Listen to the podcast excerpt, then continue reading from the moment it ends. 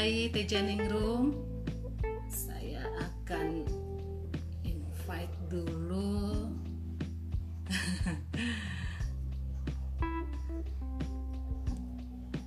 Fani, Assalamualaikum semuanya Bapak Ibu. Saya akan invite dulu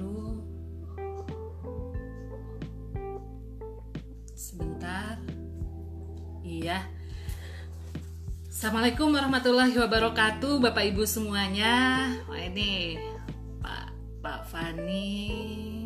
Sebentar. Ya, ya. Pak Fani. Sebentar kita akan undang Pak Fani.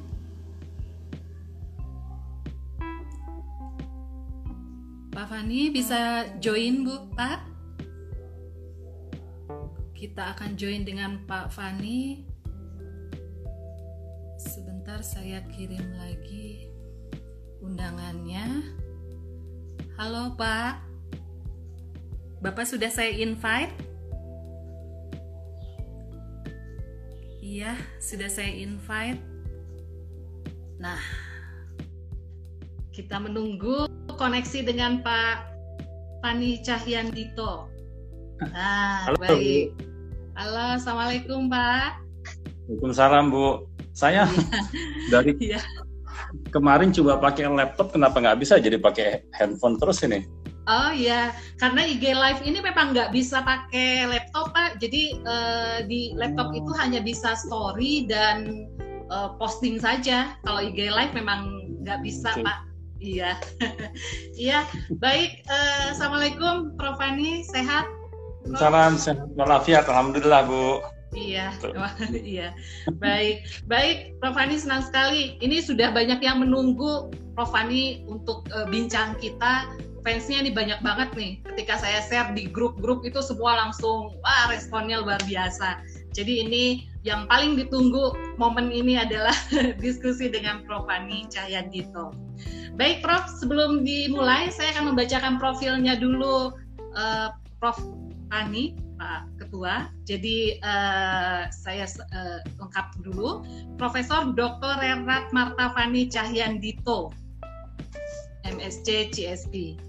Mendega- eh, mendapatkan gelar master dan doktor dari Albert Ludwig University Freiburg, Germany. Mudah-mudahan saya nggak salah spellnya karena ini eh, agak susah. Eh, dalam bidang Environmental Management and Communication, kemudian pemegang sertifikat spesialis Sustainability Reporting eh, CSRS dan juga audit CSR Community Development dari di Pertamina Geothermal Energi wilayah Kamojang, kemudian PT Aneka Tambang Indonesia Power aktif di Community Development. Baik, eh, Pak Fani, saya panggilnya Pak Fani saja ya Pak ya. Pak Fani, ya eh, pasti teman-teman sudah penasaran sekali ingin melihat sisi lain dari eh, Prof Fani karena biasanya kan bicaranya mengenai yang ilmiah, yang ya serba keilmuan dan sekarang kita bicaranya di luar kebiasaan Pak Fani, kita bicara hal-hal yang sehari-hari saja ya Pak ya. Sip. kita masih ingin tahu penasaran sekali. Oh ini eh, ya banyak nih fansnya menyapa Bapak nih. ya kehidupan sehari-hari Prof Fani Pak Pak Fandi misalnya mulai dari hobi atau hal apa pun yang bisa kita bagikan di sini. Silakan Pak Fani. Terima kasih Bu Muti. Bismillah. Assalamualaikum warahmatullahi wabarakatuh. Waalaikumsalam. Eh, saya senang sekali bisa gabung dengan Bu Muti ini sebagai eh, MC moderator, motivator itu handal. ini kalau zaman dulu kan dari mutinya zaman dulu nih. Waduh. Nah, juga saya mau menyapa teman-teman dari Ekuitas. Saya lihat eh, banyak tadi nama masuk ada Bu Ayi, Bu Lina, eh, Bu Happy, Bu Putri dan lain-lainnya ya sekilas saya Mhm. apa ya semuanya. Iya. Juga teman-teman teman-teman yang lainnya ya. Eh, terima kasih minggu sore menyempatkan waktu kita ngobrol-ngobrol santai ya Bu Muti ya. Iya, Ngobrol betul. santai apa temanya menjadi profesor di usia muda. Sebetulnya saya nggak usia hmm. muda-muda banget sih Muti, cuma pura-pura muda aja. Jadi saya lihat tulisannya Bu Ayu di usia 30, amin, amin ya Allah. Iya. dulu, ya. dulu sebetulnya hmm. uh, ada tuh Bu Muti yang yang jauh lebih muda jelas ya. Saya ini udah termasuk agak telat Bu Muti Uh, dulu waktu teman-teman saya di usia 30 banyak tuh seperti Prof. Firmansyah dari UI ya, hmm. rektor Paramadina, dia di 34 tuh profesornya. Hmm. Padahal yeah, kita yeah. sama-sama merintis waktu S3 gitu ya, kita conference bareng-bareng gitu ya. Hmm. Uh, cuma inilah saya saya lengah gitu, telat. Hmm. Nah, seharusnya paling tidak uh, Bu Muti eh Bu Muti, Bu Ayi tuh Bu Ayi agak-agak telat tuh lima tahun dari dokter. Bu Ai. lima tahun dari dokter itu itu sudah harus jadi profesor. Tuh, Bu Muti ini sebentar lagi nih, uh, yeah. jangan lengah Bu Muti. Uh, pokoknya yeah. kita kita bikin planning Bu Muti sama-sama ya, mm-hmm. supaya kita eh, maju-maju uh, semua lah. Gitu. Mm-hmm. Bu Muti apa yang mau ditanyakan kita ngobrol-ngobrol? Yeah. Iya, baik. Bukan Prof. Ani bilang uh, umur segini uh, udah telat gitu untuk jadi profesor. Apa kabar saya nih yang baru baru S3 nih, Pak, baru semester 3 ini gimana? saya sangat telat sekali. Baik, uh, Pak Fani uh, cerita dong tentang hobinya, terus kemudian ya kebiasaan sehari-hari Pak Fani menjalani hidup uh, di kehidupan sehari-harinya, sesuatu yang sifatnya informal saja, uh, mungkin uh, bisa sharing ke kita, Pak rutinitas normal. Uh, rutinitas ngantor. Kalau hobinya saya tuh sebetulnya punya punya apa ya keinginan besar. Uh, kalau hobi itu pinginnya berkebun gitu ya yang memasak uh, yang model-model dekat dengan alam tuh saya suka bu. Zaman zaman oh. waktu SMA saya mulai ikut klub pencinta alam mulai naik gunung hmm. hiking climbing uh, apa ya kayak caving begitu ya. Uh, hmm. Pokoknya yang berbau berbau dengan alam saya suka. Makanya sekarang uh, keinginannya adalah uh, ingin bertani, berkebun, bercocok tanam tuh nikmat. Ternyata sekarang memang hmm. kalau dikaitkan dengan era sekarang, apalagi pandemi, hmm. yang paling bertahan katanya ya sektor pertanian, ketahanan pangan sangat diutamakan. Ya, hmm. Yang yang begitu begitu yeah. ya Bu Muti. Yeah. Kalau olahraga saya termasuk orang yang jarang malas olahraga bu itu cuma sekali sekali aja olahraga saya ini hmm. apa uh, musiman olahraganya uh, hmm. olahraga itu paling nikmat bareng sama teman-teman kan ya makanya kayaknya di kampus perlu perlu adakan olahraga bareng-bareng sambil sambil nah, berjemur. Itu, Pak, betul. Olahraga bersama.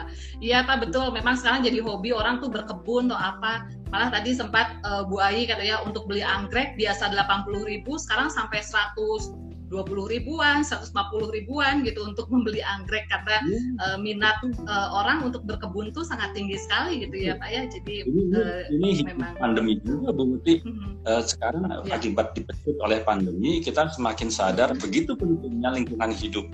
Karena hmm. karena apa yang kita apa ya lingkungan hidup yang yang kualitasnya buruk itu menjadi media yang sangat kondusif sekali buat virus-virus menyebar gitu ya. Jadi selain bersepeda yang sekarang lagi booming gitu ya, uh, berkebun tanaman-tanaman hias itu menjadi Betul. menjadi tren sekali. saya lihat di mana-mana sekarang bahkan pencurian-pencurian tanaman teman-teman saya yang yang punya tanaman bagus-bagus mm-hmm. yang mm. jadi petaninya itu tanaman bagus-bagus dicuri bu, udah kayak nyuri motor oh. itu sekarang. Hmm, iya ya karena nilai jualnya tadi ya, Prof ya. Hmm. Iya. Iya. Ya, baik Pak Ketua uh, kita beralih ke pertanyaan ini. Uh, saya ingin tahu tentang arti keluarga, teman, sahabat bagi Pak Fani yang support untuk kesuksesan sekarang gitu. Kira-kira seperti ya. apa, Pak? Uh, buat saya nomor satu keluarga Bu Muti. Uh, mm -hmm. Keluarga sumber energi buat kita. Kita lelah, capek setelah beraktivitas di luar, apa pun kegiatan kita, pulang ke rumah mestinya kita mendapatkan re recharging energi kita dari rumah. Mm -hmm. uh, dengan suami, dengan istri, dengan anak-anak.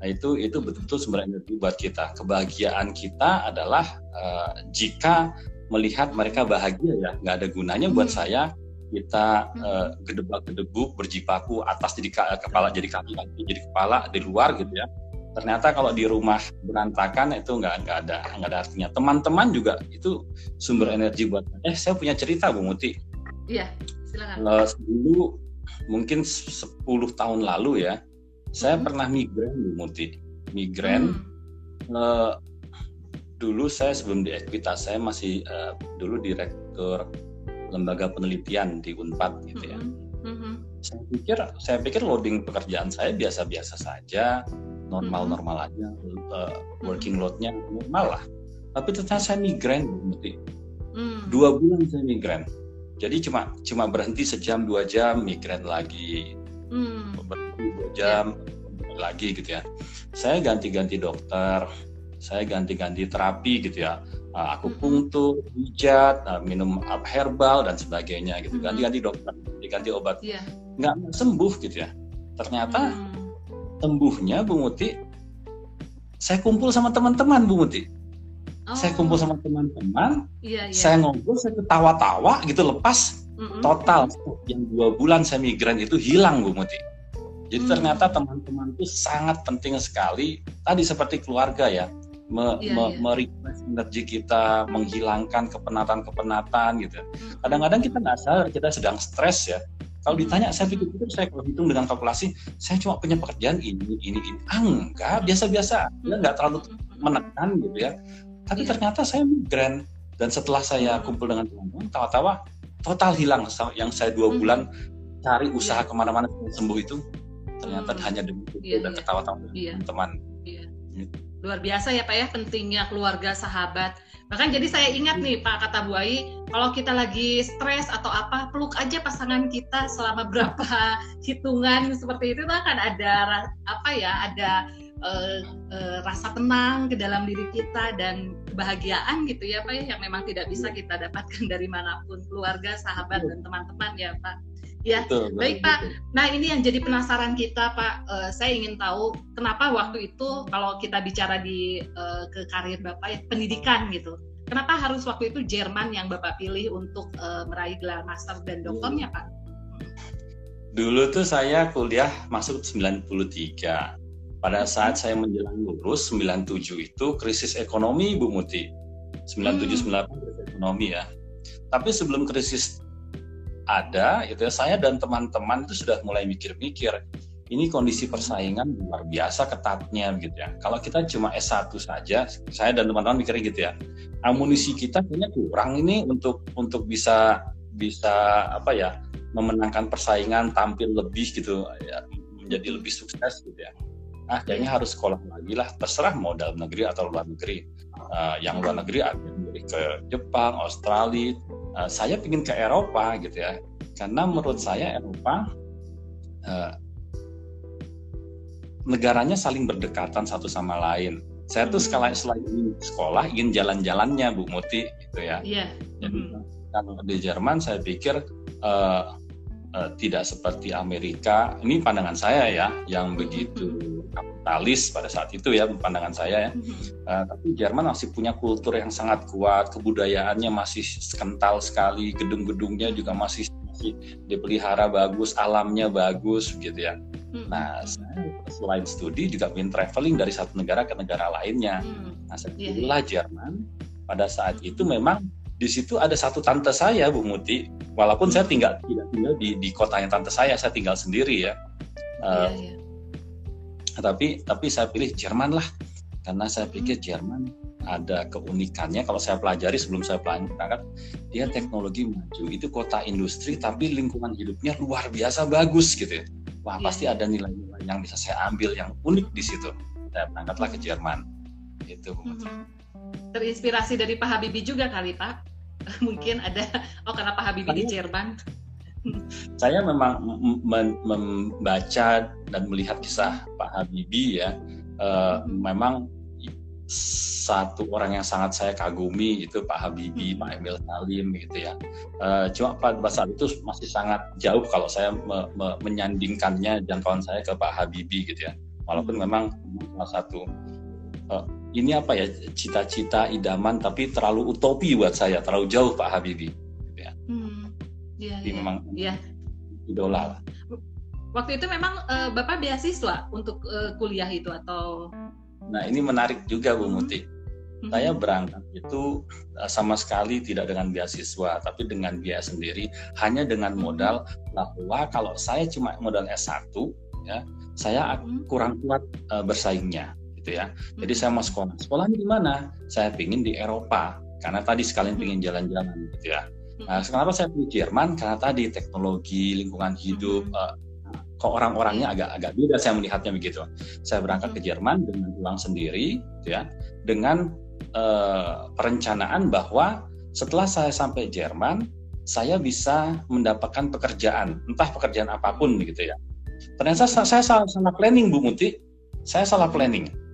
Hmm. Pada saat itu saya berangkat ke Jerman, belum langsung ke tempat kuliah, tapi harus ambil kursus bahasa dulu. Jadi saya berangkat ke sana nol bahasa Jerman saya masih sangat bukan bukan sangat minim ya, memang nol. Mm-hmm. Jadi saya kursus bahasa dulu di sana dan ternyata untuk mendapatkan pekerjaan itu boleh orang bekerja tapi statusnya harus mahasiswa dulu. Mm. Kalau orang belum statusnya mahasiswa, bekerjanya pasti mm-hmm. ilegal. Ya, jadi saya dengan status saya masih kursus bahasa dan saya modal saya itu cuma uang tiga bulan Bu Muti. uang tiga bulan. Jadi pada saat sana, lalu harus memperbarui ke kantor imigrasi perizinan-perizinan saya tinggal itu, ternyata hmm. uh, di, di visa saya di sana tertulis hmm. tidak diperbolehkan bekerja. Waduh, hmm. bagaimana? Sedangkan ya, uang ya. saya cuma tiga bulan, cuma cuma untuk berangkat cuma bertahan tiga bulan. Setelah itu saya rencananya mau bekerja. Saya telepon ayah saya, uh, almarhum ayah saya, saya telepon hmm. saat itu, Pak gimana nih Pak? Ternyata hmm cuma nggak bisa kerja gitu sedangkan uangnya tapi ya kata ayah saya tinggal di sana jangan pulang gitu kan mm-hmm. jangan pulang yeah, tetap yeah. di sana mm-hmm. ya sudah terpaksa saya cari kerja apa pun gitu jadi saya mulai kerja dari loper koran Bu Muti mm-hmm. nganterin koran dari satu rumah ke rumah lainnya pintu ke pintu yeah. lainnya gitu mm-hmm. tapi nggak bertahan lama karena pada saat saya datang itu bulan November pada saat itu tahun 98 dan kondisi musim dingin angin kencang salju gitu ya saya cuma bertahan berapa minggu menjadi loper koran sakit bu Muti nggak kuat dari udara. Gitu. dengan dinginnya itu ya pak ya ya baru pertama keluar negeri yang stay uh, hmm. lama di sana sakit saya hmm. nah tapi terus dari situ sambil kursus bahasa uh, hmm. dari loper koran ke yeah. pabrik percetakan bu Muti jadi kerja itu kerja otot betul itu uh, hmm. shift satu hari itu dibagi dua shift. Gitu. Kadang-kadang saya shift pagi, mulai masuk jam setengah uh, setengah enam pagi, gitu ya, setengah enam pagi. Yeah. Jadi saya berangkat dari rumah jam 4 pada saat itu sempat kena bulan puasa, jadi begitu sehabis sahur, gitu ya, langsung berangkat dengan kereta dengan para buruh-buruh lainnya, gitu ya, dari negara-negara lain. Ada yang Asia, ada yang Afrika, gitu ya. Jadi yeah, tidur yeah. dulu kita gitu sampai tempat kerja sistem hmm. jegrek begitu absensinya hmm. lalu kerja kerja otot di mesin percetakan gitu ya hmm. uh, itu sempat berapa bulan sambil terus khusus bahasa gitu ya habis kontraknya kerja di pabrik uh, uh, apa ya uh, servis elektronik gitu ya hmm. mulai mulai agak ringan gitu ya mulai agak ringan yeah. nah setelah itu selesai kursus bahasa uh, saya masuk kuliah S2 uh, mulai jadi asisten doktoran uh, hmm. jadi asisten doktoran mulai lebih enak lagi kerjanya gitu ya hmm. selesai S2 saya S2 lebih enak lagi jadi asisten profesor gitu jadi ya hmm. jadi tahapan-tahapan gitu ya memang harus dilalui ya bu itu dari mulai yang keras ya, sampai ya. Uh, mulai kerja yang cuma di belakang kursi dan kipas-kipas ya. uangnya betul iya jadi memang kerja keras luar biasa ya Pak ya. Kebayang dengan tadi jadi loper koran dengan cuaca yang dingin bisa minus saja, bisa minus kan ya Pak ya di sana kalau lagi salju seperti itu benar-benar fisiknya harus kuat gitu kan, dipercetakan dan sebagainya yang ini dan uh, mungkin mulai stabil ketika sudah menjadi asisten uh, ini ya pak ya asisten dokter dan uh, untuk ya. di sana gitu ya pak ya, uh, ya jadi ya. uh, bapak berarti membantu penelitian gitu ya pak ya atau betul betul itu. ya ya mm-hmm. ya dulu ya. saya ambil uh, saya sempat pindah kuliah Bu Muti pertama saya di Munchen ya di Munich ya mm-hmm. uh, saya khusus bahasa di Munich lalu itu satu tahun full itu uh, buat saya sangat keras karena uh, kursus bahasa di Universitas München mm-hmm. uh, levelnya itu lebih tinggi dibanding Goethe Institute gitu ya. Mm-hmm. Jadi kalau lulus dari kursus bahasa di Universitas München bisa masuk ke universitas mana pun di Jerman. Tapi kalau dari Goethe belum tentu di universitas, universitas tertentu itu bisa masuk. Oh. Iya, Jadi iya, setiap iya. dua bulan sekali, setiap dua bulan sekali saya mm-hmm. ujian. Jadi ada enam level, setiap dua bulan sekali ujian dan ujiannya buat buat saya gitu sangat berat sekali gitu ya. Mm-hmm. Uh, level terakhir itu ujiannya adalah menulis dan membaca yang uh, ke kekeliruannya itu sangat minim seperti kita media massa yang paling katakan paling tinggi levelnya adalah Kompas gitu ya Bu Muti ya dengan hmm. struktur dan grammar dan tidak ada tipe typo sama sekali. Hmm. Ya, ya. Nah itu itu ujiannya sempat begitu. Bahkan ujian terakhir adalah uh, novel novel Jerman filosof-filosof Jerman gitu ya seperti hmm. seperti Kafka gitu ya. itu itu ujiannya begitu. Jadi hmm. di, di dengan dengan dengan bacaan-bacaan novel. Nah saya nggak nggak suka dengan buat saya ya yang yang terbiasa hidup di kota yang sederhana begitu Bu Muti ya. Mm-hmm. Munchen buat saya terlalu keras Bu Muti seperti Jakarta mm. mungkin ya. Oh. Kalau orang untuk bekerja iya, iya. Uh, mungkin cocok untuk cari uang ya. Tetapi kalau untuk kuliah saya butuh suasana yang seperti Bandung Bu Muti gitu mm. ya. Yeah, yang, yeah. yang lebih uh, friendly gitu ya, lebih mm. lebih soft, suasana akademiknya lebih terasa gitu ya, uh, lingkungan uh, lingkungan alamnya lebih enak gitu. Mm-hmm. Jadi setelah yeah. khusus satu tahun, saya kuliah di Universitas München, uh, bertahan satu semester. Setelah itu saya ambil pindah ke Freiburg baru Bu Muti. Mm-hmm. Nah itu baru belajar tentang lingkungan hidup. Oh. Nah di situ saya menemukan yeah. betahnya. Begitu menginjakan kaki turun dari uh, kereta di, di di stasiun di Freiburg, wah ini kok suasana beda. Persis Bu Muti seperti saya menginjakan kaki pertama kali di Bandung. Oh, hampir sama Jadi, ya Pak ya ini. Hmm. First impression itu kan buat kita ada ya Bu Muti ya, kalau kita yeah, masuk yeah. ke suatu kafe tertentu ya. Begitu tahun 93 saya masuk Bandung, kata orang tua zaman dulu jangan Bandung, Bandung begini, Bandung begitu dengan stereotip yeah. negatifnya begitu ya. Tapi begitu saya masuk Bandung, wah kok enak ya, beda ini kayaknya saya bakal betah di sini. Nah persis seperti saya di Freiburg, wah ini kota saya dan terasa begitu Bu Putih nikmat iya, alhamdulillah. Iya, sudah nyaman ya Pak ya. Pak, eh, tadi untuk eh, bisa kuliah di Jerman nih kan salah satunya adalah harus bisa bahasa Jerman. Bapak mempelajarinya tiga bulan ya Pak ya untuk eh, satu tahun Bu. Satu, oh, satu tahun. tahun, satu tahun untuk bisa. Wah, agak susah ya Pak ya untuk uh, belajar bahasa Jerman gitu. Uh, apa supaya bisa itu lancarnya itu sampai berapa lama pak yang memang sudah aktif gitu untuk uh, menggunakan bahasa Jermannya pak? Ya, kalau mau shortcutnya uh, ambil kursus di di Indonesia dulu di Gute dulu ya mungkin tiga ya. bulan enam bulan mm-hmm. di sana tinggal meneruskan sisanya. Tapi kalau saya kan dari nol Bu Muti. Iya betul. Jadi mm-hmm. jadi satu tahun full saya 12 bulan. Nah, mm-hmm. tak, mengenai kesulitan bahasa Jerman Bu Muti, hmm Saya punya guru bahasa pada saat di sana. Guru bahasa saya itu mm-hmm. banyak ya, uh, mm-hmm. dan dan mereka sangat talented sekali dalam bahasa. Ya. Mm-hmm. Dan mereka mengakui bahwa bahasa yang sulit itu bukan bahasa Jerman, bukan karena mereka orang Jerman ya. Mm-hmm. Uh, mereka rata-rata kadang-kadang katakan mereka cuma berlibur di Bali selama satu bulan gitu ya, atau mm-hmm. atau, atau dua minggu sampai satu bulan gitu ya. Dan mereka bisa sangat fasih berbahasa Indonesia saking hmm. talented mereka dalam bidang bahasa ya. Yeah, yeah. Nah, level mereka yang sudah sangat uh, apa ya, uh, uh, uh, sangat apa gift talented itu ya uh, dalam bidang bahasa, mereka mengakui bahwa yang paling sulit itu justru bahasa Inggris, Bu Muti, hmm. bukan bukan bahasa oh. lainnya. Karena yeah, bahasa yeah. Inggris itu terlalu banyak terlalu banyak uh, aturan yang lepas-lepas aturan.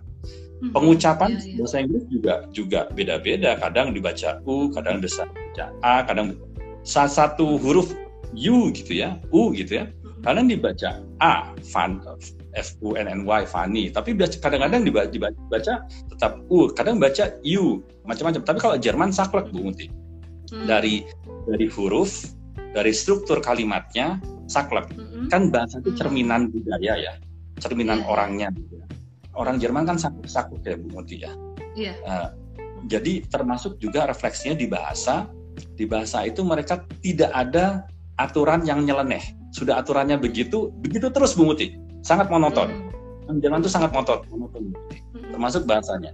Jadi kalau begitu sekali mempelajari bahasa Jerman gitu ya, hmm. itu itu bisa langsung uh, beda sama sama Perancis. Saya juga belajar yeah. Perancis, sulitnya buat saya Perancis luar biasa Bu Muti dibanding yeah, Jerman. Betul, iya iya. Kadang-kadang tulisannya dengan pengucapannya berbeda gitu ya Pak ya. Kalau tapi kemudian apa yang dibaca, iya. apa yang dilihat itu itu yang keluar dari tulisan kita itu yang dibaca. Iya, iya, iya.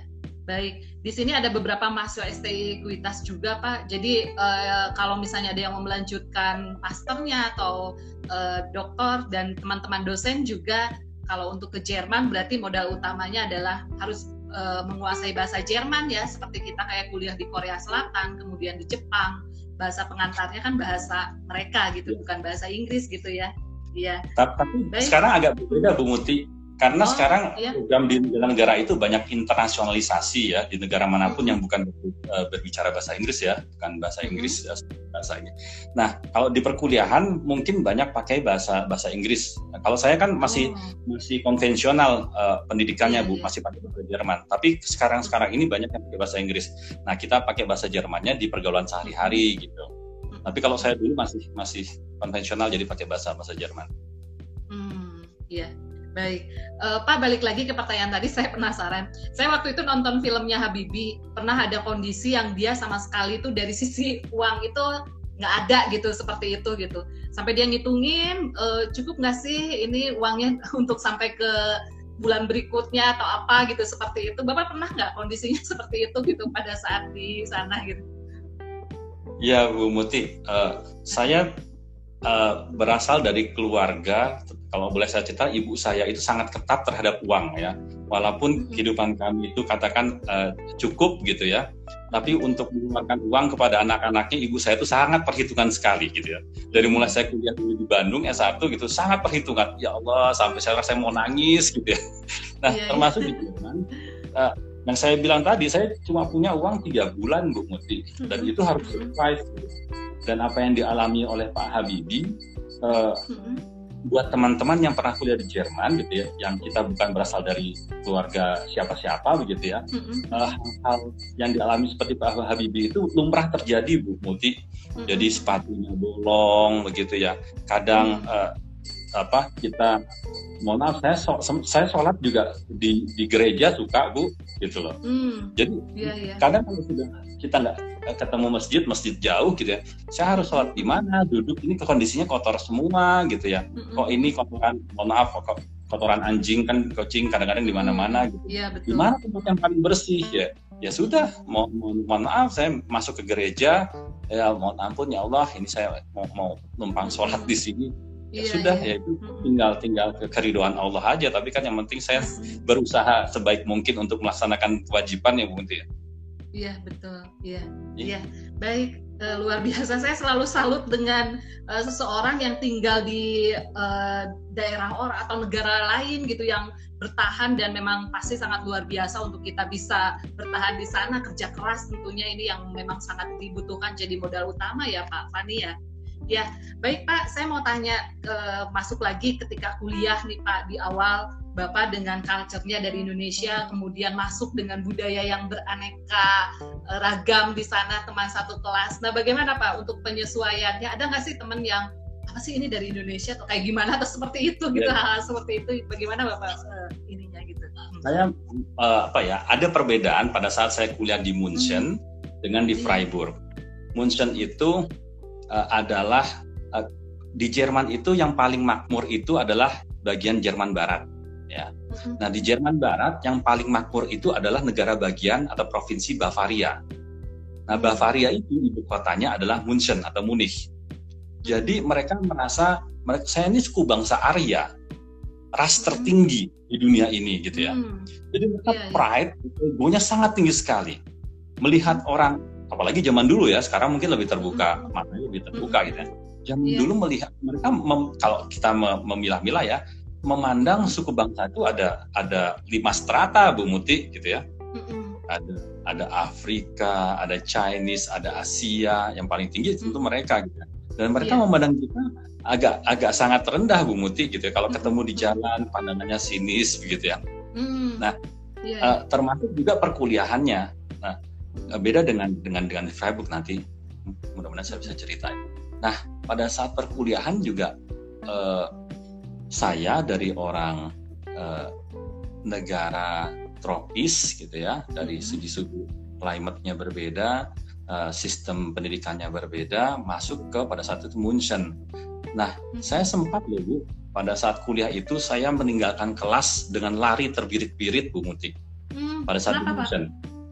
Oh. Uh, saya ambil pada saat itu kan baru selesai kursus, masuk kuliah, ambil seminar hmm. keuangan internasional gitu ya. Hmm. hmm, hmm. profesornya begitu masuk gitu ya, wah tua hmm. gitu ya uh, berjas, yeah. Sangat wah stylish di ya, kelas, di kelasnya sangat sangat ini justru sangat konvensional ya model profesor.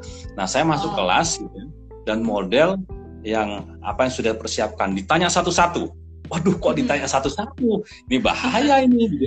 Yeah. Saya mulai geser Bu Muti, geser sedikit ke pintu, geser sedikit ke pintu. Gitu. Begitu mulai mau hampir tiba giliran saya, saya keluar gitu, lari sekencang-kencangnya dari kelas itu Buti. Mm-hmm. Itu saksi mm. itu. Ini Vincent menjadi saksi saya terbirit-birit lari gitu kencang-kencangnya. Iya. Tadi yang menarik Bu Muti bahwa sistem pendidikan di sana mereka sangat sangat apa ya me, begitu tingginya menghargai pendidikan ya. Semua orang boleh masuk ke kelas, bahkan yang tidak mendaftar di kuliah. Jadi saya sering kali kuliah itu dengan dengan nenek-nenek gitu ya, mm-hmm. dengan gelandangan pun gitu ya, orang bawa anjing masuk kelas begitu ya, uh-huh. itu sering bu, dan mereka diberi kesempatan apa bertanya gitu ya. Jadi pendidikan itu terbuka untuk semua, oh. gitu. Iya. Walaupun nanti yang mendapatkan ijazah tentunya yang registrasi ya, tapi yeah. saya sering kali uh, kuliah itu di, di samping yang saya lihat ini orang suka suka di pinggir jalan gitu ya suka tidur tiduran dengan anjingnya atau dengan mm-hmm. kucingnya. Tapi pada saat kuliah, eh dia masuk kuliah gitu, mm-hmm. ikut pengen dengar cari ilmu juga gitu. Nah, ini yeah, sangat sangat yeah. unik.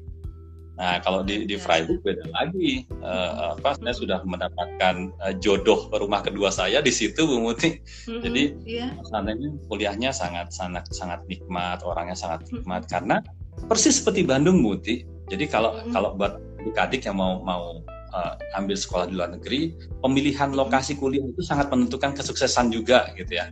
Oh, ya. iya iya. Jadi hmm. kalau saya melihat di Bandung kan kita karakter beda-beda ya. Saya cocok seperti yeah, di iya. Bandung. Yeah. Nah, mm-hmm. Freiburg itu seperti Bandung, hidupnya dari dunia pendidikan dan pariwisata, mm-hmm. Bu Muti. Mm-hmm. Jadi mereka sangat sangat apa ya, sangat terbuka terhadap orang asing, gitu. Mm-hmm. Jadi kalau ada orang asing itu mereka paham karena dia dari mm-hmm.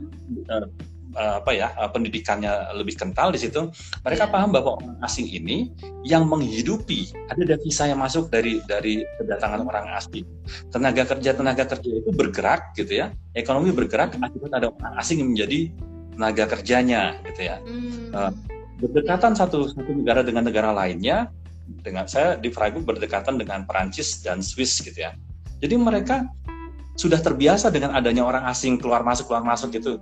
Dengan orang asing itu men, menjadikan sesuatu yang apa ya take it for granted. Kehidupan sehari-hari normal dengan adanya orang asing begitu. Nah hmm. beda sama orang yang eksklusif. Nah Munchen itu eksklusif karena merasa hmm. strata yang paling tinggi gitu ya. Yeah, yeah, yeah. paling paling paling apa paling makmur gitu ya. Hmm, ada orang asing ini ini hanya menjadi beban. Karena seperti halnya di Jakarta kota yang sangat heterogen tentunya iya. kriminalitas tinggi. Jadi memandang orang asing ini sumber kriminal ini, nah, bisa oh, jadi begitu. Iya iya iya. Berarti tidak salah ya Pak ya, Bapak memilih Freiburg itu sebagai uh, ini ya Pak ya tempat Bapak kuliah dan uh, ya kuliah di sana gitu ya, melanjutkan pendidikan gitu ya Pak ya. Jadi intinya oh, mereka welcome dan teman-teman kuliah pun pada saat misalkan kadang-kadang kan kita ada uh, misalnya tugas uh, apa misalnya yang harus dikerjakan secara kelompok lebih gampang ya Pak ya untuk beradaptasi gitu seperti itu. Iya. Ya Bu, saya merasa kalau saya pengalaman saya dengan orang yang pengalaman dan pengetahuannya sangat amat terbatas begitu ya. Hidup berkelompok itu menjadi menjadi modal besar untuk uh, menyelesaikan masalah pada saat saya awal di Freiburg begitu ya, mm-hmm. uh, ini kelas internasional ya, ada dari Vietnam, Indonesia, ada dari Jepang, ada dari Afrika, macam-macam gitu ya. Uh, kadang-kadang kita mendengarkan kuliah hanya mungkin 30-50 persen yang, yang yang kita pahami gitu ya. Yeah, nah, yeah. dengan berkelompok dengan teman-teman setelah kuliah kumpul sama teman-teman saling menerangkan satu sama lain ini yeah. apa tadi oh. tugas-tugas juga yeah. dikerjakan bersama. Dibandingkan kalau kita hadapi sendiri itu nggak ngerti sama sekali Bu Muti. Yeah, kalau yeah. kita 30 persen terus suruh ngerjakan tugas, waduh gimana? Tapi dengan mm rukun dengan gotong royong yeah. sesama teman. Uh-huh. Nah, yang sulit tadi gitu ya menjadi teratasi bersama, uh-huh. gitu. Iya ya. Jadi saling ini ya Pak ya diskusi dan sebagainya itu mereka kooperatif ya Pak ya teman-teman. Ya, alhamdulillah ya. Jadi tidak kadang kadang-kadang kan suka ada yang pasti ini yang di keep sendiri atau kayak gimana justru mereka lebih terbuka seperti itu ya itu juga jadi salah satu ya. mendukung Bapak ya. Baik Pak, uh, selesai master kemudian uh, doktor itu tahun berapa Pak selesai doktornya di Bapak lanjut ya dari master langsung ke dokter langsung ambil seperti itu ya? Atau itu kisah unik lagi Bu Murti. Oh, jadi sebelum saya jadi saya itu kan krisis tahun 98 ya. Uh, uh, saya tuh ada 80 80-an lamaran itu nggak nggak lolos Bu Muti ngelamar pekerjaan hmm. gitu ya. Jadi yeah. saya sambil uh, ngelamar studi, saya hmm. sambil juga ngelamar pekerjaan. Apa yang muncul itu yang saya ambil gitu ya. Nah ternyata memang jalannya yeah. memang harus studi begitu ya. Uh, hmm. Nah tapi pada saat seminggu lagi saya berangkat ke Jerman, tiket sudah di tangan. Uh, ketua jurusan di uh, Fakultas Ekonomi Unpad itu kasih surat ke saya gitu. Fani kamu mau join jadi dosen, ini silakan. Jadi ada tawaran jadi dosen. Saya bilang, Bu, saya seminggu lagi berangkat ini. Nanti deh Bu, kalau saya selesai S2, saya jadi dosennya Bu. Oke, ditunggu ya Bu ya. Iya. Oke. Mm-hmm. Nah, pada saat S2, saya mulai merasakan kenikmatan hidup di kampus Bu Muti. Padahal oh. tadinya saya itu inginnya kerja di multinational corporation gitu ya. Hmm. Jadi yeah, perusahaan yeah. besar dikirim ke mm-hmm. mana ke Hong Kong, ke Taiwan, ke mm-hmm. Jepang gitu ya, presentasi, memecahkan masalah, kasih solusi, rekomendasi ke BOD gitu ya. Yeah. Nah ternyata setelah setelah di Jerman pada saat S2 saya mendapatkan pengalaman-pengalaman yang wih, hidup di kampus ternyata luar biasa ya. Saya lihat profesor-profesor saya, pembimbing saya kok begitu begitu yeah. menginspirasi gitu ya. Yeah, nah, yeah pada saat mau selesai S2 saya bilang ke profesor saya pembimbing saya Prof saya mau dong uh, nerusin ke S3 lalu dia bilang Fani jangan ngomong S3 dulu. Ini tesis kamu kamu bikin bagus dulu. Dia bilang gitu. Hmm. oke okay, Bu saya bikin bagus gitu ya uh, saya penelitian serius uh, hmm. saya kasih gitu ya selesai hmm. setelah itu saya pulang liburan ke Indonesia liburan ke iya. Jogja yeah. pada saat itu Bu Muti oh. liburan ke Jogja terus iseng-iseng saya ke warnet pada saat itu ya belum mm-hmm. belum internet di rumah jadi ke warnet buka warnet ternyata ada email ada undangan meneruskan S3 gitu oh, iya, iya, jadi iya. alhamdulillah tesis dianggap bagus ya, ditawarkan ditawari S3 oleh profesor saya. Ya udah langsung saya laporan lagi ke ke Unpad pada saat itu. Iya. uh, Bu mohon maaf saya belum bisa jadi dosen. Saya ada tawaran hmm. S3 nanti deh Bu kalau selesai selesai, selesai S3 saya jadi dosennya Bu ya. Alhamdulillah ditunggu yeah. lagi gitu. Oh. jadi jadi jadi berlanjut berlanjut terus pada saat itu alhamdulillah Bu sampai selesai S3 tahun 2004 nah itu yang saya bilang tadi Bu Muti saya yeah. selesai S3 tahun 2004 umur saya 29 hmm. tahun pada hmm. saat itu 29 tahun jadi dokter termasuk muda bahkan di Unpad saya iya. termasuk dosen apa dokter yang paling muda di Unpad kalau kalau sekarang sih sudah banyak yang lebih muda ya sehingga sebetulnya kalau normalnya 30 usia 34 saya itu sudah harusnya kalau saya saya benar gitu planningnya uh, uh, dan implementasinya harusnya jadi profesor di usia 34 sama dengan Firman Sah pada saat itu. Ya, ya, cuma ya. alay Bu Muti. Gitu iya iya. Tapi alhamdulillah ya sekarang Pak sudah ini sudah profesor ini, dan ini. tercapai semua ini. Alhamdulillah ini Baik. ini geng geng SMA saya nih ini oh, iseng iya, nih pada join di sini ya Pak ya. Saya juga mau menyapa ini Pak ada teman saya nih Pak Irfan Mujahid, ini juga yang mendapatkan beasiswa Erasmus Mundus dan kuliah di hmm. Eropa, kemudian uh, jadi diplomat dan sekarang sih kerja di World Bank kalau uh, ini uh, di World Bank. Nanti uh, saya juga minta Pak Irfan nih jadi narasumber saya nanti ya Pak Irfan. ya baik. Uh, tadi pulang ke Indonesia kemudian memang sudah terinspirasi ya Pak ya untuk jadi dosen dan uh, apa berkarir di Unpad. Kemudian, uh, nah ini yang paling ditunggu-tunggu pertanyaan dari teman-teman semua. Untuk bisa sampai jadi guru besar nih Pak, bagaimana Pak? uh, apa ya uh, satu modalnya niat ya bu ya kalau Bu Muti Bu Ayu mana Bu Ayu Bu Putri Bu Linda ya uh, iya. mau jadi profesor tanyakan pada diri sendiri niat nggak gitu kalau kalau biasanya kalau ada niat itu ada jalan gitu ya kalau kalau sekarang masih belum kekumpul-kumpul juga uh, poin-poinnya kum-kumnya gitu ya ya mungkin emang nggak niat kok gitu Mm-hmm. jadi jadi buat, saya kalau, kalau orang niat kan pasti wah saya niat gitu ya. Ah, saya mau bikin penelitian, saya mau bikin pengabdian masyarakat, saya mau bikin publikasi begitu ya. Nah kalau niatnya setengah-setengah ya hasilnya setengah-setengah. Tapi jalan saya agak terseok-seok sebetulnya Bu Muti untuk mm-hmm. kemarin menjadi menjadi profesor. Uh, saya tuh baru disadarkan setelah 9 tahun ya. Saya 9 tahun menjadi lektor kepala gitu ya terus ada surat gitu ya dari kampus baru menyadarkan ya Allah saya tuh lektor kepala sudah 9 tahun gitu ya lah ke mana aja saya selama ini gitu yeah. nah dari situ mulai mulai ah cobalah saya kumpul-kumpulin mana sudah ada tulisan-tulisan saya nah mm-hmm. ini yang sering kita lengah apa pengarsipan itu Bu Muti gitu ya mm. lalai kita dalam mengarsipkan sebenarnya yeah. kalau kita mengasipnya eh, mengasipkannya sudah betul rapi gitu ya mungkin saya saya yakin sudah banyak sekali yang sudah kita lakukan selama bertahun-tahun ini Bu Muti eh, dan itu semua jadi jadi jadi kum walaupun sekarang persyaratannya semakin semakin ketat ya. Dan dan proses saya kan eh, se sewajarnya pada saat pengajuan ada dari jurusan ke fakultas ke fakultas ke senat uh, universitas baru dikirim ke dikti. Dan itu tektok tektok bolak balik Bu Muti gitu ya. Yeah. Iya. uh, dan itu saya mulai mengajukan di 2017 Bu Muti. Hmm. saya mengajukan 2017, 2017 di bulan November kalau nggak salah uh-huh. dan baru baru goalnya bulan Maret 2020 Oh, lama juga ya Pak ya dari 2017 Maret 2020 baru ya. keluar itunya ya Pak. Walaupun TMT-nya SK-nya tuh Desember 2019.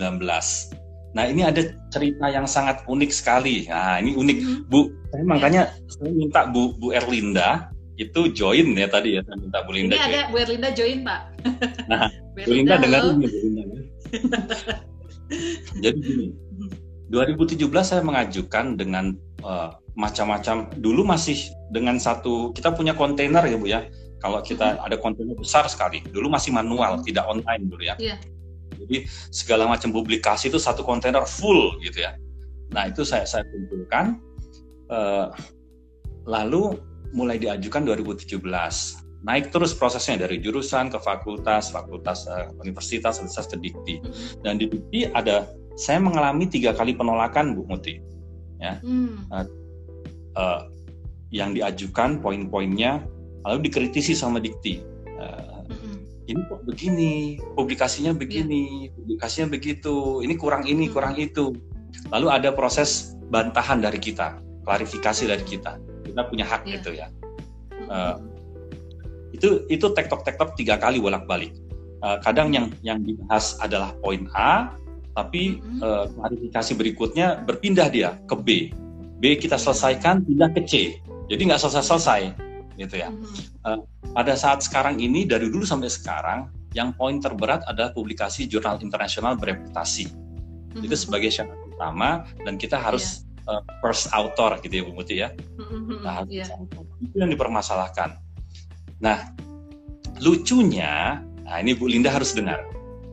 Lucunya pada saat itu mm-hmm. kantor uh, kerjasama kita sedang memperbaharui uh, MOU atau kerjasama dengan Yongsan University di Korea. Mm-hmm. Yeah. Bu Linda mengajak saya ke sana, ke Dikti untuk bicara karena levelnya harus pimpinan. Mm. untuk bicara itu ya. Saya bilang ke Iya. Bu Linda, Bu Linda, udahlah selesaikan sendiri oleh Bu Linda gitu ya. Mm-mm. Saya nggak usah ikut. Enggak Pak Fani, Pak Fani harus ikut. Saya pada saat itu mas-malasan ikut, ikut ke Jakartanya gitu ya.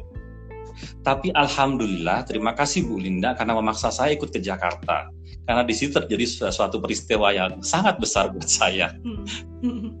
Jadi begini, Iya. pada saat pada saat selesai kita dari dikti gitu ya, selesai bicara dengan Hmm. orang kerjasama dari diktinya, saya mau pulang Iya. gitu. Saya mau Hmm. pulang, saya tunggu mobil eh, jemputan di lobi gitu ya. Lalu ada satu satu orang besar di dikti ya yang eh, yang eh, ikut menentukan proses semua proses ini ya. Eh, kita sudah kenal sudah lama gitu ya, tapi saya nggak nggak nggak pernah menghubungi dia untuk minta bantuan nggak ada Eh, prosesnya normal. Loh Pak Fani di sini? Eh Prof, iya Prof, ini lagi tadi urusan ini ini ini ini, ini gitu ya. Oh ya udah main ke kantor saya. Aduh punten Prof, nanti aja ya. eh, soalnya ini saya ngejar pesawat Prof, saya bilang begitu ya. Eh, nanti insya Allah saya saya ke sini ke Jakarta lagi deh Prof, saya bilang gitu. Oh ya sudah. Beliau itu mau mau sholat zuhur ke masjid. Sholat masjidnya Hmm. kan eh, di gedung ya. Iya, iya. Saya pikir-pikir kok saya sombong betul ya. Orang diajak Hmm. bertamu ngomongin masalah saya, kok saya nggak nggak mau gitu. Mm-mm. Nah, udahlah, udahlah pesawat saya hangusin aja lah. Mm. Oke, Nah, saya tunggu di lobi. Dia selesai sholat zuhur. Loh, Pak Fani masih ada di sini? Ya, Prof. Itu udah eh, meeting saya, saya, saya, saya, saya batalkan, Prof. Kapan-kapan aja Hmm. meetingnya gitu. Eh, Iya. Ini lebih penting, Prof. Ya. Ya udah, Ah, yuk ke ruangan saya. Nah, di ruangan dia, langsung dia buka laptop. Tak, tak, tak, tak, tak, tak. tak. Pak Fani, Pak Fani itu kekurangan, kekurangannya ini, ini, ini, ini, ini, ini. Punten, Prof. Eh, yang jadikan syarat khusus yang mana? Ini yang begini, begini. Iya. maaf prof yang yang jadi syarat khusus bukan yang poin yang nomor satu prof tapi nomor Mhm. dua gitu oh poin nomor dua coba saya lihat dibuka sama dia loh kalau poin nomor dua nggak ada masalah dong gitu Mm-mm. lah memang iya prof makanya bertahun-tahun saya klarifikasi itu prof gitu Iya. cuma nggak nyambung sama tim teknis di bawahnya gitu loh loh jadi nggak ada masalah dong selama ini ya nggak tahu prof ya udah nanti saya ngomong sama tim dari situlah Bu Muti oh saya masalah Oh, semua ini ya, Pak ya? Iya, jalannya malah rezekinya di situ. Betul. malah Iya, rezeki ya itu kadang-kadang kita eh, apa ya rezeki kan kita nggak tahu dari dari iya. dari arah mana datangnya Bu Muti ya. Jadi Iya. selama ini saya menunggu tahu dari tahun 2017 itu nggak ada masalah sebetulnya Bu Muti Iya, gitu iya. cuma Aha. cuma miscommunication misperception antara si Ah. tim penilai dengan dengan dengan Mhm. eh, saya aja gitu loh nah alhamdulillah setelah dicek nggak ada masalah selama ini untung saya waktu itu mengikuti ajakan Bu Linda ke Dikti kalau nggak nggak Iya. selesai selesai sekarang Berarti ini ada berkat Burlinda juga nih. Prof bisa jadi profesor Linda ya jalannya. Iya. Baik. Eh, nggak terasa nih waktunya Prof. Tinggal 10 menit lagi. Baik, eh, closing statement saja eh, Pak Fani. Kira-kira apa nih kunci suksesnya atau tips nih buat kita misalnya saya yang ingin se- selesai doktor dan jadi guru besar seperti Pak Fani atau ini ada juga ada beberapa mahasiswa-mahasiswa ekuitas gimana caranya supaya mereka bisa berkembang, bisa kuliah di luar negeri dan sebagainya. Silakan Pak ya tipsnya. Eh, pertama buat, mahasiswa Iya. dulu ya. Eh, Hmm, kalau saya berkaca pada pengalaman saya gitu ya, kita kan Mhm. harus mawas diri bahwa kita ini minim Iya. sekali pengetahuan dan pengalaman kita. Amunisi kita ini masih sangat sedikit sekali. Nah, niatlah kita untuk memperbanyak amunisi kita, memperpantas Iya. diri kita gitu ya, supaya kita Mhm. layak memenangkan persaingan gitu ya. hmm, hmm, Tanya lagi ke niatnya, kalau tentunya niat, ya, walaupun modal terbatas, saya juga modal terbatas kan Bu Muti pada saat itu gitu ya. Tapi karena niat, ya, ada modal nekatnya gitu ya, jalan kok. Bahkan teman-teman saya yang ingin berangkat ke luar negeri, terserah, Van. Nanti gua mau tidur di masjid kayak, mau tidur di stasiun kayak, Hmm. pokoknya gue berangkat Iya, dulu. iya. Hmm, Ya. hmm, Nah modal nekat itu harus ada, walaupun harus tetap dengan perhitungan Bu Muti ya. hmm, hmm. Jadi buat adik-adik mahasiswa, saya rasa eh, apa ya studi lanjut itu penting ya. Nah, kalau masih S1 lanjutkan ke S2 gitu ya. Nah, Iya. minim- minimal, minimal paling nggak S2 lah. Nah, Hmm, dan modal kegigihan gitu ya eh, itu hmm. itu sangat penting. Eh, saya juga dan teman-teman saya eh, juga biasa-biasa aja kok. Cuma Iya. mungkin ada modal sedikit gigihnya gitu ya. Uh, yeah. Apa pun jalan aja. Toh nanti juga menggelindingnya kalau kita jalani menggelindingnya ke depan kan Bu Muti ya. Uh, insya Allah kita nggak nggak yeah. setback belakang gitu ya. Dan yang yang paling mungkin saya rasakan ya bukan mungkin ya saya yakini itu ya ada doa-doa yang menyelimuti kita kan Bu Muti ya. Ada iya, dari orang tua kita, dari suami, dari istri, dari anak, dari guru-guru kita, yeah, gitu ya. Yeah. Uh, buat teman-teman yang masih punya orang tua, yang masih orang tuanya masih hidup, itu jimat kita ya. Betul-betul hmm. jangan disia-siakan gitu ya. Uh, yeah. Keberkahan ilmu juga itu dari guru kita gitu ya. Uh, posisi kita pada saat menerima ilmu seperti apa sih Bu Muti? Kalau kita belajar di ilmu agama kita kan, walaupun guru salah kan nggak bisa ditentang. Posisi kita dalam menerima ilmu adalah pada saat seperti jenazah dimandikan, gitu kan ya? Yeah. Nggak bisa ngapa-ngapain pada saat jenazah dimandikan, disolatkan nggak bisa ngapain, terima begitu yeah. aja gitu ya. Yeah. Makanya yeah. dulu Bu Muti saya suka ya. Uh, setelah pulang ngajar dari kuis dari Malaysia, mm-hmm. saya bagi cerita ke teman-teman bahwa saya dikejar oleh mahasiswa kuis gitu ya. Selesai kuliah dikejar, agak jauh tuh dikejar. Mm-hmm. Dokter, yeah. um, mohon maaf, saya mohon agar ilmunya tadi dihalalkan untuk saya. Dia bilang oh, begitu. Dia minta yeah. dihalalkan bahasanya begitu ya. Mohon ilmu yeah. dihalalkan untuk saya. Wah saya kan tidak tidak tidak pernah mendapatkan perkataan seperti itu ya. Yeah. Masya Allah. Baru kemudian kan saya sadar bahwa kalau kita halalkan gitu ya ilmu itu akan berkah kepada mahasiswa kepada murid kita. Iya. diimplementasikannya iya, juga berkah gitu. Akan ada manfaatnya insya Allah. Iya, iya. nah itu iya. itu yang uh, banyak pengalaman-pengalaman yang alhamdulillah Allah uh, memberikan kesempatan saya untuk menyamnya buat teman-teman juga uh, bapak ibu dosen gitu ya kita periksa niat kita gitu ya. Uh, karena karena saya merasa juga Bapak Ibu saya yakin apa yang kita alami sekarang ini kan itu belum finalnya ya Bu Muti ya. Finalnya ya. nanti adalah pada saat kita sakaratul maut begitu ya. Itu puncak ya. kesuksesan kita dari situ ya. ya. Apakah kita berhasil uh, mengucapkan la ilaha illallah Muhammad Rasulullah sehingga ayat ya. ya ayat Tuhan nafsul mutmainah irji'i ila rabbika radiyan wadkhuli fi ibadi wadkhuli jannati. Itu puncak kesuksesan kita kan Bu Muti. Iya. Eh, kalau ini ini cuma antara antara aja. Tentunya hmm. orang yang lebih kaya, orang lebih tinggi posisinya, jabatannya, itu iya. akan memberikan peluang lebih untuk memberikan manfaat. Tapi manfaat itu yang hitungnya kan, sehingga kita nanti menjadi menjadi apa ya? Jadi dipanggil sebagai jiwa yang mutmainah gitu ya, karena sudah memberikan iya. manfaat buat buat orang lain, buat sesama manusia, buat alam ini gitu ya alam. Nah itu buat, buat saya periksa lagi. Nah untuk menjadi ini juga periksa lagi Bu Muti. Misalnya tadi kalau topiknya adalah menjadi guru besar ya, coba periksa niat kita menjadi guru besar apa. Hmm. Mudah-mudahan dengan memperbaiki niat ini Allah akan memudahkan jalannya. Iya. Karena niat kita ini adalah uh, tadi uh, yang paling baik adalah memberikan sebanyak-banyak manfaat buat orang lain kan. Ya. Coba kalau kita geser deh niatnya begitu. Mudah-mudahan hmm. mudah-mudahan Allah ya, memberikan kemudahan gitu ya karena karena ini cuma kalau membuat diri kita sendiri cuma buat buat antara aja untuk mencapai yeah. tujuan sesungguhnya. Mm-hmm. Baik. Luar biasa sekali Pak Alfani. Uh, jadi intinya ya kembali lagi ke uh, diri kita sendiri ya untuk kita bisa menjadi sukses dan yang paling penting adalah doa dari keluarga dan orang-orang sekitar yang mencintai kita gitu Pak. Dan saya selalu bilang Pak Fani ini adalah seorang pemimpin yang selalu meletakkan dunia itu di tangannya dan uh, apa uh, akhirat itu di hatinya gitu seperti itu. Baik luar biasa Pak Fani senang sekali saya jadi makin terinspirasi dan makin semangat untuk bisa lebih berkembang lagi. Doakan Pak ya supaya saya cepat lulus doktor dan jadi guru besar Amin. seperti Pak Fani. Ya. Baik, terima kasih teman-teman yang sudah bergabung di uh, channel uh, Muti catatan Muti pejuang hidup saya biasanya bilangnya seperti itu. Terima kasih atas atensinya dan kita dengan tema yang lain setiap hari Minggu pokoknya jam 4 kita akan ada selalu bincang santai seperti ini. Baik, terima kasih Prof Fani atas inspirasinya hari ini. Assalamualaikum warahmatullahi wabarakatuh. Sukses terus, Pak. Sukses Bu Muti, sehat semuanya ya. Bapak Ibu. Terima kasih. Teman-teman semua, terima kasih. Assalamualaikum. Waalaikumsalam.